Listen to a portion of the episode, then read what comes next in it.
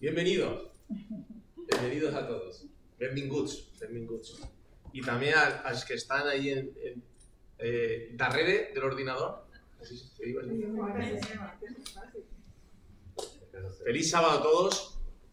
Feliz sábado. Eh,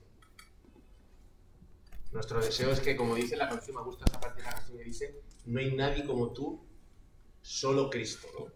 Qué frase tan auténtica y poderosa. Yo creo que el sentido de la iglesia se resumiría ahí. El sentido de la iglesia, ¿no? no hay nadie como tú, solo Cristo. Y, pienso que el sentido del sábado es encontrarnos todos, pero sobre todo encontrarnos con Él, ¿no? Ese parón de la semana donde estamos tan preocupados de tantas cosas y romper, romper con la semana y decir, no, ahora solo tú. O sea, voy a conectar contigo. Antes lo ha dicho, lo ha dicho Oliver, ¿no? El propósito al final es, es que conecten, es que conecten. Esa palabra súper interesante, conectar. Entonces la, la, adoración es un elemento y una herramienta súper poderosa para conectar. Entonces yo cuando intento cantar, o sea, las letras, fantásticas letras, acompañadas del sonido, te generan una sensación de, de conexión, si tú de corazón estás en ello. Depende del corazón que tú pongas en lo que haces, podrás conectar o no. Y, yo conecto, yo conecto. Normalmente en, estos ambientes conecto. Me gusta, me gusta. No hay nadie como tú, solo Cristo. Yo creo que esto sería el, resumen de, mi mensaje, ¿vale? Y sería el resumen de mi mensaje. Siempre que el mensaje sea Cristo, yo creo que siempre está siempre va bien. La palabra de Dios, Marcos 2. Vamos a abrir en Marcos 2. Y vamos a ver un episodio de Jesús. Y leo, Marcos 2.1 dice, y entró Jesús otra vez en Capernaum, después de algunos días. Y se, oyó que estaba en casa. ¿Eh? Se oyó que estaba en casa. Era un sitio que habitualmente frecuentaba, casa de Simón. Se oyó que estaba en casa, dice. E inmediatamente se juntaron muchos. De manera que yo no cabía ni aún en la puerta, ni a la puerta, y predicaba la palabra. ¿Eh? Estaba en la casa. Cuando oyeron que estaba él, todo el mundo acudió. ¿Qué tendría Jesús? Entonces vinieron a él a unos, vinieron a él unos trayendo un paralítico que era cargado por cuatro. Y como no podían acercarse a él a causa de la multitud, descubrieron el techo de donde estaba y haciendo una abertura, fíjate el desastre que hicieron, y haciendo una abertura, bajaron el lecho en que yacía, yacía el paralítico. Al ver Jesús la fe de ellos, dijo al paralítico, Hijo, tus pecados te son perdonados. Y vamos a quedarnos aquí, en esa primera parte. Hijo, tus pecados son perdonados. Y yo pienso, yo pienso en el estado del paralítico. La palabra yacía en la camilla me parece tan que tiene tanto peso, yacía en la camilla, es decir, tenía que ser soportado por cuatro amigos. Él mismo no tenía herramientas para poder acudir ni a Jesús. Dependía de la misericordia y, del cariño y del amor de sus amigos. Pero él había escuchado de un Salvador. Él había escuchado de una persona, alguien que había llegado al pueblo y había revolucionado toda la ciudad. Dice que en otras partes de la escritura y la fama de Jesús se extendía y venían de todos los lugares de, Judea, de Samaria, de al otro lado de Jordán, de todos los sitios venían a verlo. ¿Por qué? ¿Por qué? Porque todo el que llegaba a él tenía su remedio. Todo. Dice la escritura, y todo aquel que llegaba a él tenía un remedio. Y a todos sanaba de cuerpo y de alma. Qué, tremendo, qué tremendo Jesús. Era, era la eficacia de sus palabras, la coherencia de su vida y el poder que emanaba de él que atraía a las multitudes su carácter. Es brutal, es brutal. Pero el paralítico, el paralítico, dice después, cuando se encuentra con Jesús, dice, dice, hijo, tus pecados te son perdonados. Levántate, toma tu lecho y anda. Yo quería comentar acerca de la parálisis del, paralítico. ¿Realmente cuál era la parálisis del? ¿Era que no podía andar? ¿Cuáles son nuestros problemas en la vida? ¿Qué es lo que nos paraliza normalmente? ¿Cuáles son realmente nuestras parálisis? ¿Qué es lo que le pasaba al paralítico? Su vida previa lo había dejado postrado. Había vivido una vida quizás desordenada, no sé de qué manera. Quizás en las cantinas, quizás podía ser un prostíbulo, quizás podía ser un problema familiar. Y de repente eso lo, lo, No sé. No sé cuál fue el problema del paralítico, pero lo primero que hace Jesús cuando lo ve le dice, tus pecados te son perdonados. Jesús sabía que la necesidad del paralítico era el perdón. Qué lastre tenemos con la culpabilidad, los remordimientos, el resentimiento. Todo eso paralizaba en el alma del paralítico. La culpa, el remordimiento, el peso de los errores de la vida que todos hemos podido tener en algún momento, paralizaban al paralítico, tanto que no podía andar. Y a veces cuando veo a la iglesia, también pienso, ¿tendremos un poco de parálisis en el alma? Quizás podemos andar, quizás podemos movernos, pero ¿será que quizás tenemos una cierta parálisis? ¿Será que tenemos, albergamos sentimientos de culpa? ¿O no llegamos al estándar que creemos que tenemos que llegar? Porque la vida espiritual a veces es compleja, ¿verdad? ¿Eh? complicada, ¿eh? Caemos y caemos en los mismos errores tantas veces. ¿Qué nos ocurre cuando pasa esto? Nos quedamos paralizados. ¿Será que la iglesia nos pasa esto? Seguimos, seguimos leyendo el texto, ¿vale? Dice, estaban allí sentados algunos de los escribas. En otra parte Lucas dice fariseos y doctores de la ley. la élite, la élite. Dice, estaban sentados allá algunos de los escribas, dice, los cuales cavilaban en sus corazones. ¿Por qué habla así? ¿Por qué habla este así? ¿Qué se ha creído este que es? Tus pecados son perdonados.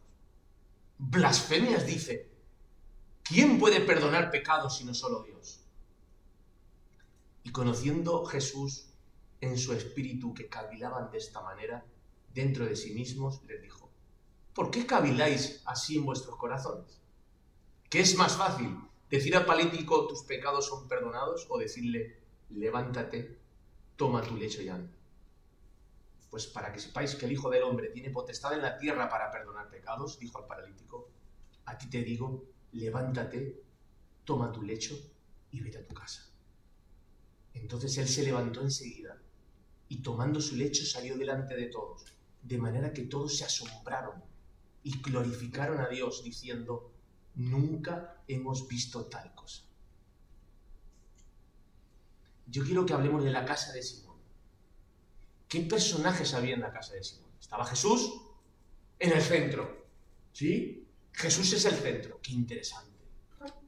Estaban seguramente los discípulos alrededor, cerca de, de aquellos seguidores suyos, ¿verdad? Los creyentes. Pero también estaban los curiosos los incrédulos, los fariseos.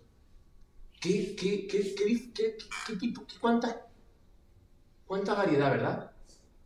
¿Puede ser que algún momento haya algún tipo de forma de entender las, las cosas que sean un obstáculo para lo que Jesús está haciendo? ¿Podría pasar esto? ¿Puede ser que los fariseos estuvieran entorpeciendo la labor de Cristo?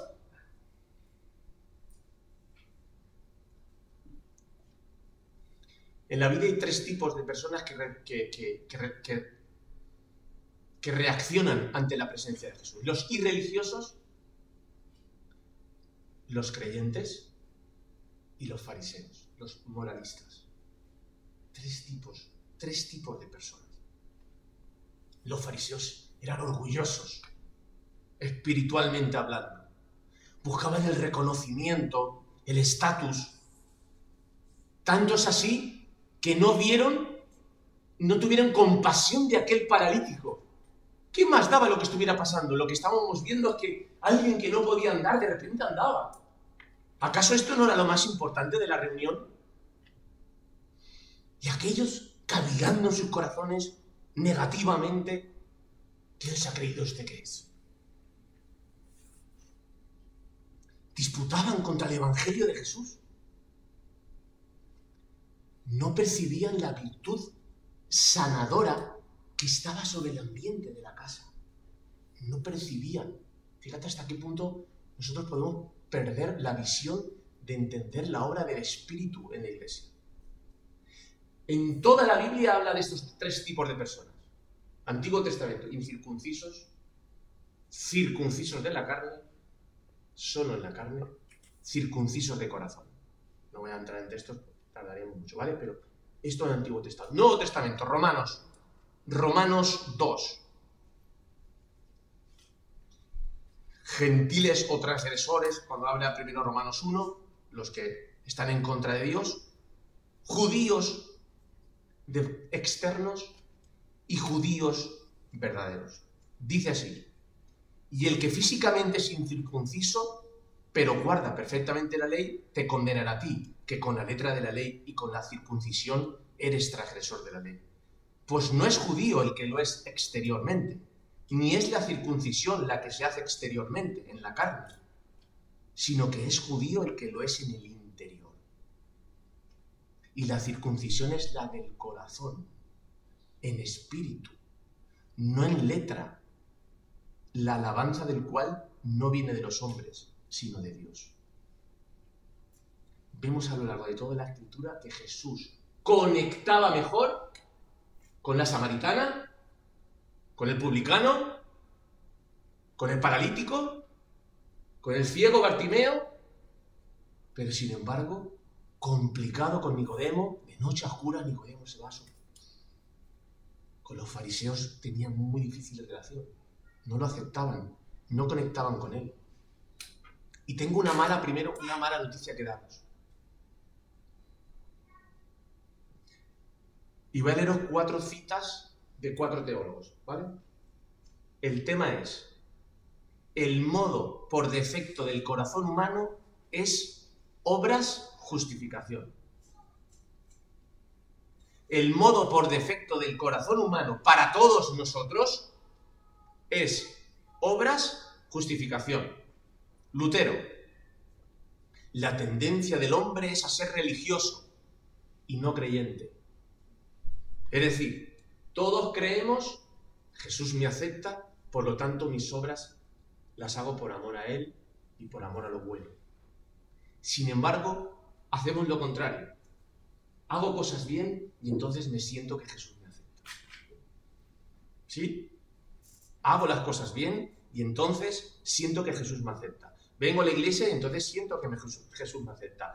Participo en la adoración, entonces siento que Jesús me acepta. David Foster dice, hasta las personas irreligiosas logran su aceptación y autoestima viviendo según su escala de valores.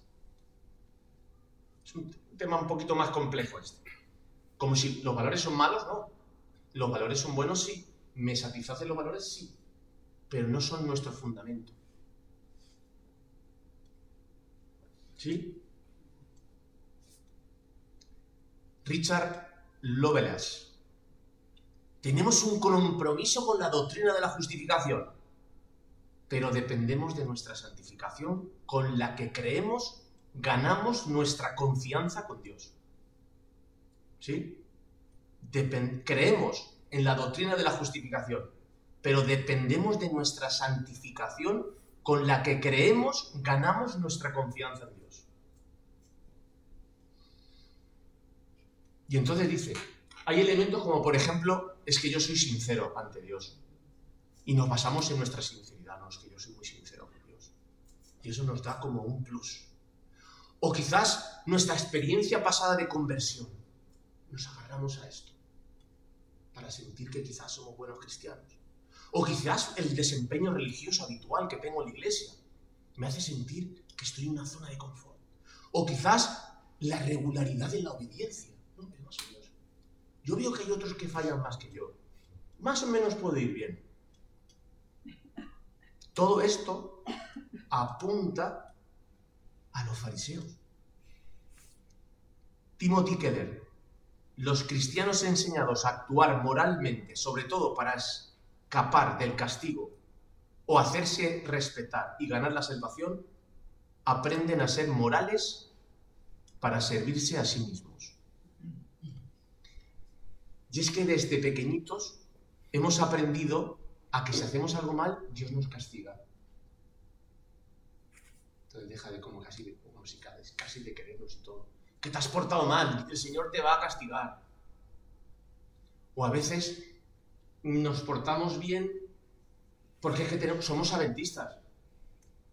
Yo tengo que hacer las cosas bien porque soy adventista. O por ejemplo, imagínate los hijos del pastor. ¿Cuántos han sufrido los hijos de pastores? Por tener que llegar a un a un estatus moral, esa presión que han tenido que sufrir ellos. Todo está en la misma raíz,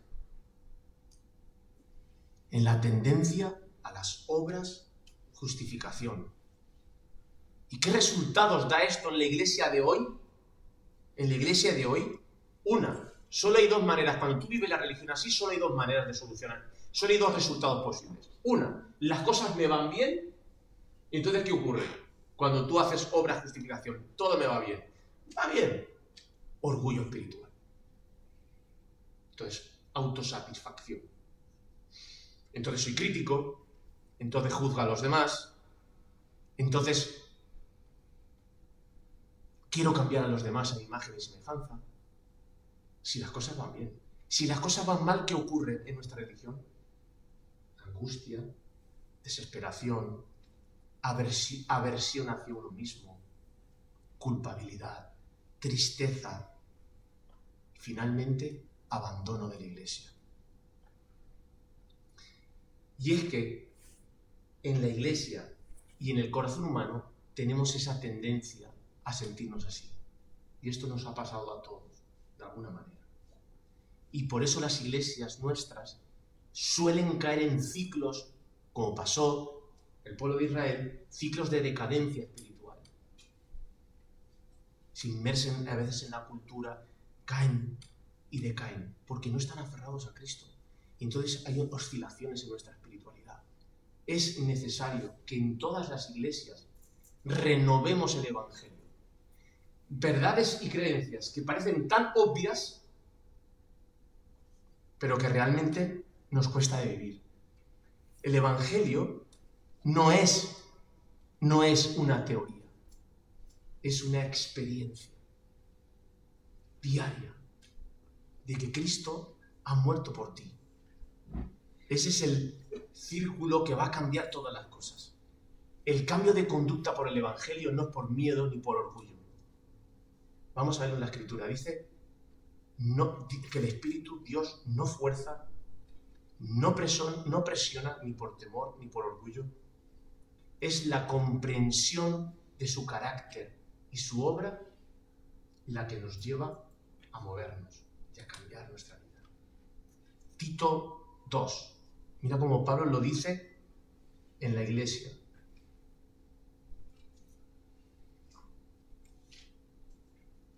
Tito capítulo 2. Dice, porque la gracia de Dios se ha manifestado para salvación a todos los hombres, enseñándonos, enseñándonos que, renunciando a la impiedad y a los deseos mundanos, vivamos en este siglo sobria, justa y piadosamente, aguardando la esperanza bienaventurada y la manifestación gloriosa de nuestro gran Dios y Salvador Jesucristo, quien se dio a sí mismo por nosotros para redimirnos de toda iniquidad y purificar para sí un pueblo propio celoso de buenas obras. ¿Cómo Pablo, cómo Pablo trata de reprender las posibles desviaciones de su iglesia? ¿Qué, resalta él? ¿Qué dice él? La gracia de Dios se ha manifestado para la salvación a todos los hombres. Es el Evangelio el que nos enseña y con el que tenemos que argumentar para con nuestros problemas.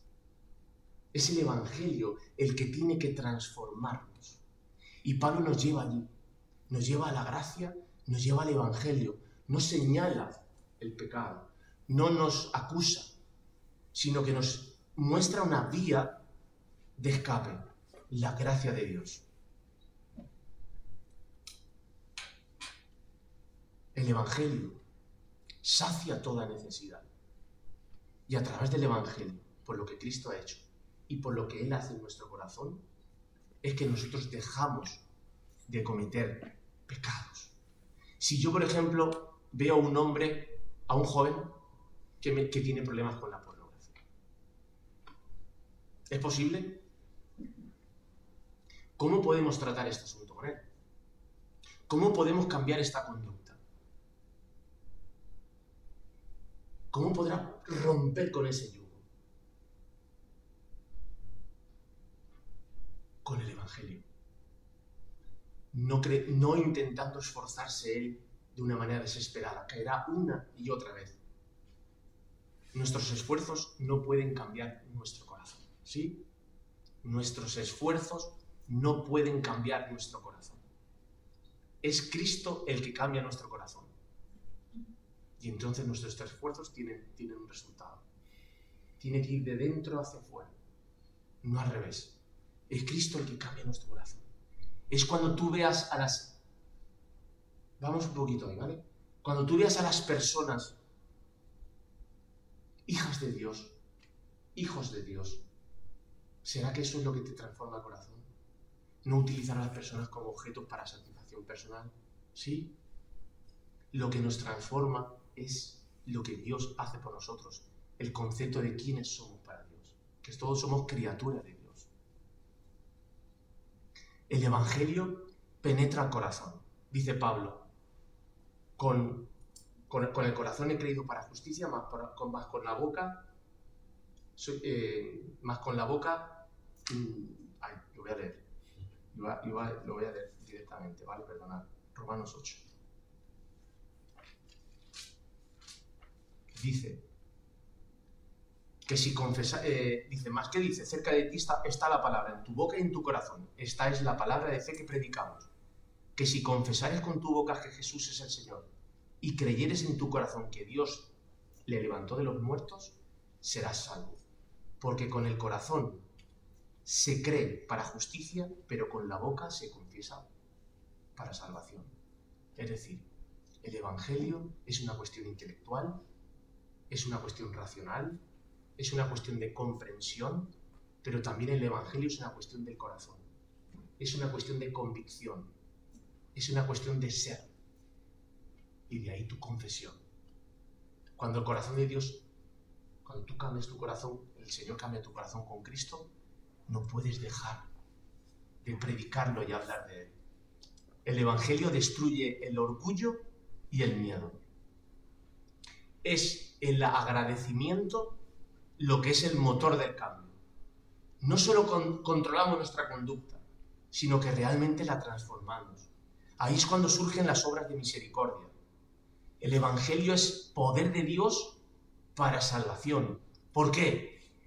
Porque dinamita nuestras motivaciones. Porque transforma nuestro corazón. Y eso es dinamita para las acciones que vendrán. El paralítico no volvió a ser el mismo. ¿Por qué?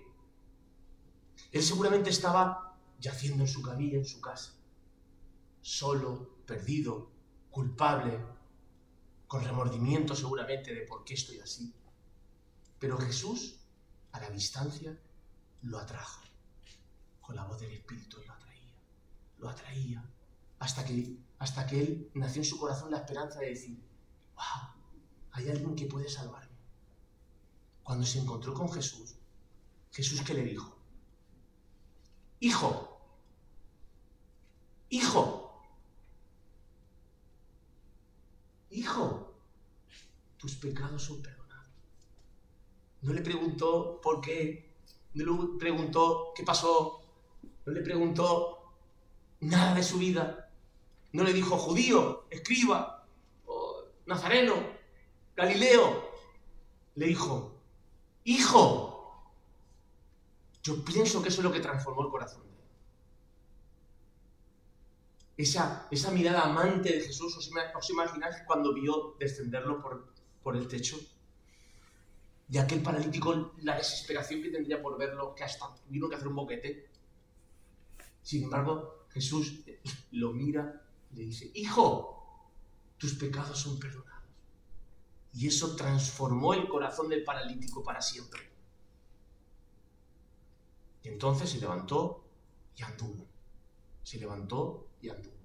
Porque Jesús quitó la lacra de la culpa, del remordimiento, de la impotencia del ser humano, de que somos pecadores. ¿Cuántas veces fallaremos? Y la iglesia tiene que comprender esta realidad para que no caigamos en el fariseísmo.